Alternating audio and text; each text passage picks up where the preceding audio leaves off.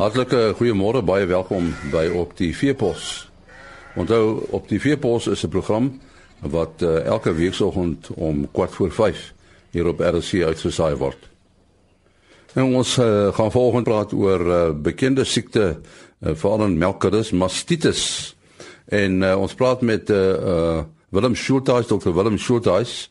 Hy is van Sefa Animal Health Uh, Willem, wat wat is uh, mastitis nou eintlik? Ja, nee, baie dankie dat jy dit vra. Ehm um, eintlik is mastitis nie 'n siekte nie. Ehm uh, maar dit is eerder 'n simptoom van 'n immuunstelsel van die koei wat nie voldoende reageer op ehm um, stygende infeksies via die, die speenopening in die speenkanaal opwaarts in die eier in. En die eerste simptoom van hierdie toestand is 'n verhoogde somatiese seltelling en uh op daai stadium is die koei nie noodwendig klinies siek van mastitis maar hierdie hoë somatiese seltellings ehm um, lei eintlik tot 'n laer melkopbrengs. Dis 'n belangrike erosie vir die produsent. Ehm um, en ons het 'n betekenisvolle erosie in kuddes waar die bulk of die massa teen uh seltelling per milliliter meer as 250 uh, 1000 is. En en vir die produsent, wat beteken dit nou in praktiese terme? Ehm um, ja, en nie. Ehm um, kom ek verduidelik, die tyd wat die koei se immuunstelsel die meeste onderdruk is, is rondom kalwing, kort voor en uh, kort daarna. Ehm um, koeie wat al voor kalwing kondisie verloor en en ook kort na kalwing 'n uh, oormatige afname in kondisie toon se immuunstelsel is onderdruk en is meer vatbaar vir allerlei infeksies soos byvoorbeeld baarmoederontsteking na kalwing en dan natuurlik ook mastitis. Ehm um, en hier is eh, 'n uh, koei groepering ook belangrik in die sosiale aspek uh, wat stres uh, uh, veroorsaak. As byvoorbeeld die jonger kleiner diere saam met die ouer koeie gegroepeer word kort voor kalwing en kort daarna gaan die jonger diere by voerplekke of op die weidings geboelie word en dan is hulle droommateriaal in name minder en dan verloor hulle rondom kalwing meer kondisie. Ehm um, laat ek dit op hierdie stadium net duidelik maak, dit is nie 'n skande vir koei om kondisie te verloor direk na kalwing. Uh, dit is 'n normale verskynsel, maar wanneer dit oormatig is, byvoorbeeld meer as 'n halwe kondisiepunt, dan uh, verhoog die risiko baie betekenisvol vir die ontstaan van allerlei infeksies. So so daar's 'n korrelasie tussen kondisieafname en mastitis. Hoekom? Ja, um, kom ek verduidelik en 'n uh, afname in kondisie is eintlik maar net dat die koei breek haar onderhuidse vetreserwes af om aan haar energiebehoeftes vir uh, te voldoen. Ehm um, uh, omdat daar nou 'n skielike aanvang van laktasie is en 'n hoë skielike hoë voedingsbehoefte. En wanneer die die koei nie genoeg kan eet om aan haar produksiebehoeftes uh, te voldoen, dan noem ons dat dan sê ons die koei is eintlik in 'n negatiewe energiebalans. En ek dink baie keer praat ons maklik van 'n 1 tot 5 kondisiepunt, maar ons verstaan nie altyd mooi waar waaroor ons ons praat nie. En dit eh, kom ek verduidelik. Dit beteken net dat 'n halwe kondisiepunt verlies beteken dat die koei het omtrent afhangende van raamtipe 25 tot 30 kg vet verbrand. Dis 'n astronomiese hoop vet en dit kan binne weke gebeur.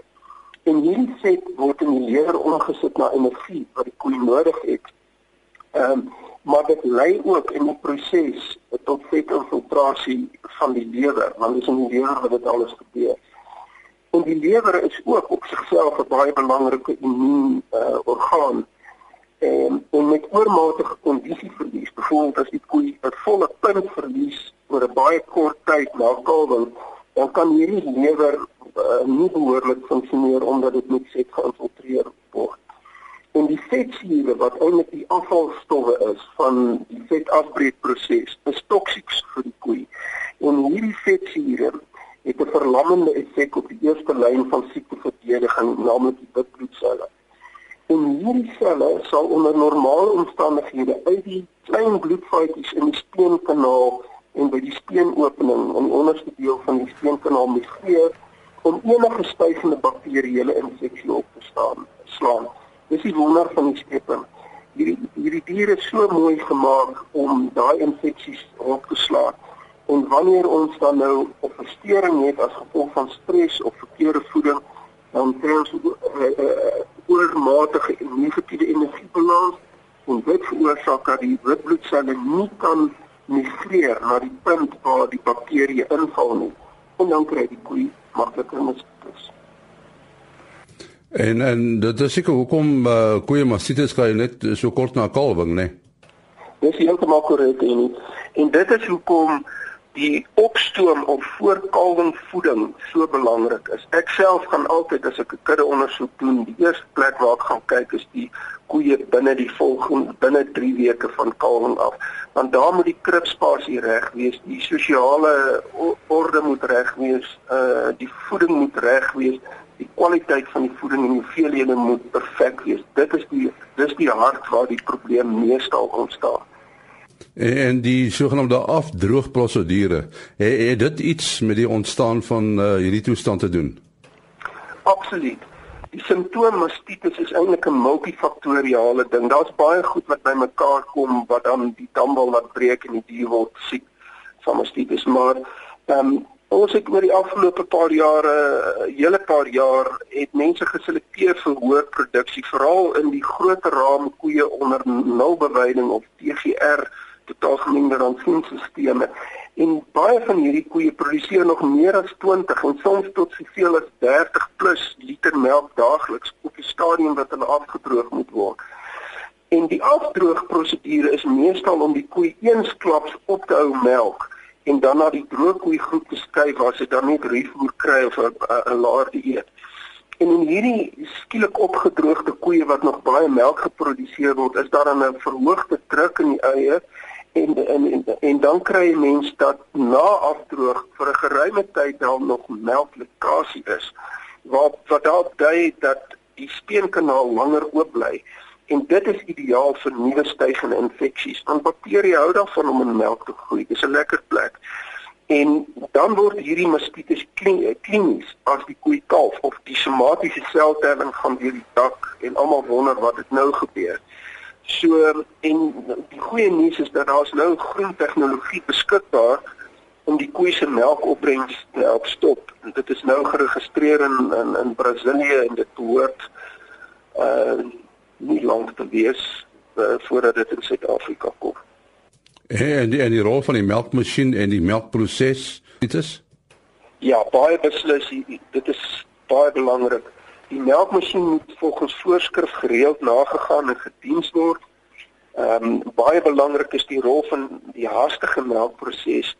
Uh, die kuddes word groter, die mense wil vinniger melk en nou sit hulle die kloustukke baie gouer uh aan die koei voordat die uh, sak refleks behoorlik in plek gekom het en dit neem 80 tot 90 sekondes nadat die koei in die stal ingekom het vir hierdie ehm um, uh, melksak refleks wat onder hormonale invloed is om uh, volledig te wees. En wanneer ons dit te gou voor 90 sekondes die klouster aansit, dan dan gee ons nie kans vir die speenkanaal om met melk gevul te word en dan melk ons essensieel 'n droë speen en die skade wat dit aan die speenkanaal se binnewand doen is onberekenbaar en die trauma veroorsaak dan hierdie bloedings en inflammasie as gevolg van die trauma is 'n lekker plek vir bakterieë om te groei. En en uh, biosekuriteit? Ja, en die, um, dit is belangrik dat produsente nie net die kraakkoeie moet inkoop waarvan jy nie seker is dat elke kwart bakteriologies skoon is. Met ander woorde, as 'n mens koeie wil inkoop, dan is dit 'n goeie belegging om kwarts bakterie tellings te laat doen op elke kwarts dis vier monsters per nuwe koei te laat doen en slegs die koei in te bring as daai koei bakteriologies negatief is.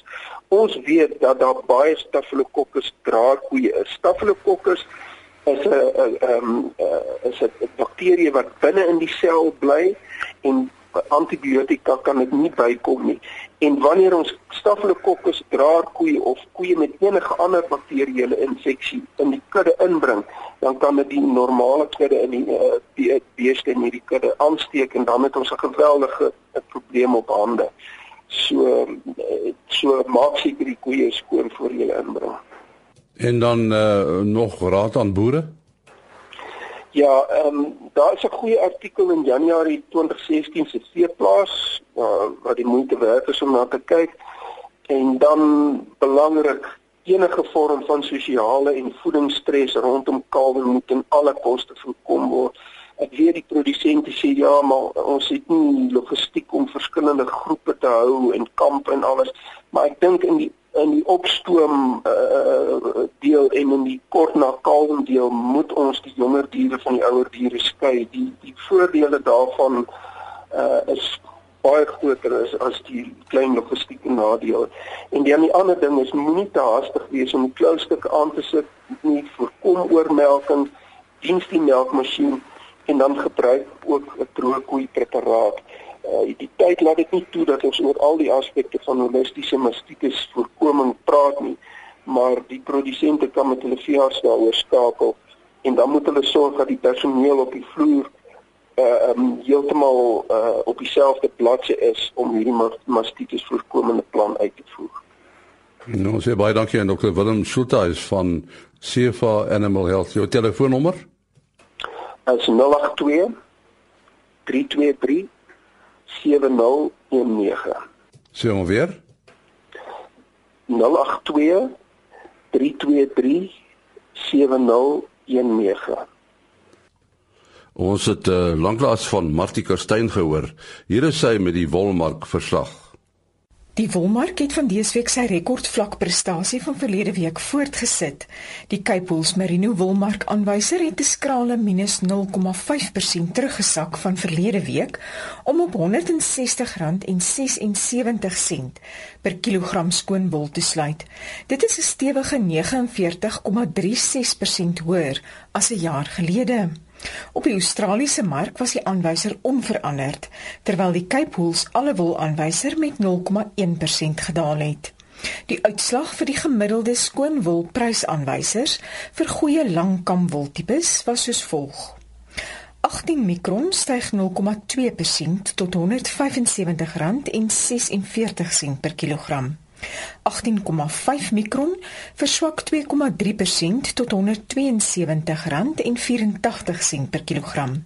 19 mikron daal 1,7% tot R168,43 per kilogram. 19,5 mikron neem af met 0,3% en sluit op R164,42 per kilogram. 20 mikron verswak met 1,1% tot R161,65 per kilogram. 20,5 mikron daal met 0,4% en sluit op R160,94 per kilogram. 21 mikron neem toe met 0,1% en sluit op R159,47 per kilogram. 21,5 mikron styg met 0,3% tot R159,66 per kilogram en 22 mikron neem af met 2,3% om te sluit op R154,25 per kilogram. Die volgende veiling sal op 27 Januarie in Port Elizabeth aangebied word. Dit was die Wolmark verslag aangebied deur Martie Kerstyn. Dit is dan al wat uh, vandag se program betref. Môreoggend om 4 voor 5 is ons terug. Tot dan, mooi loop.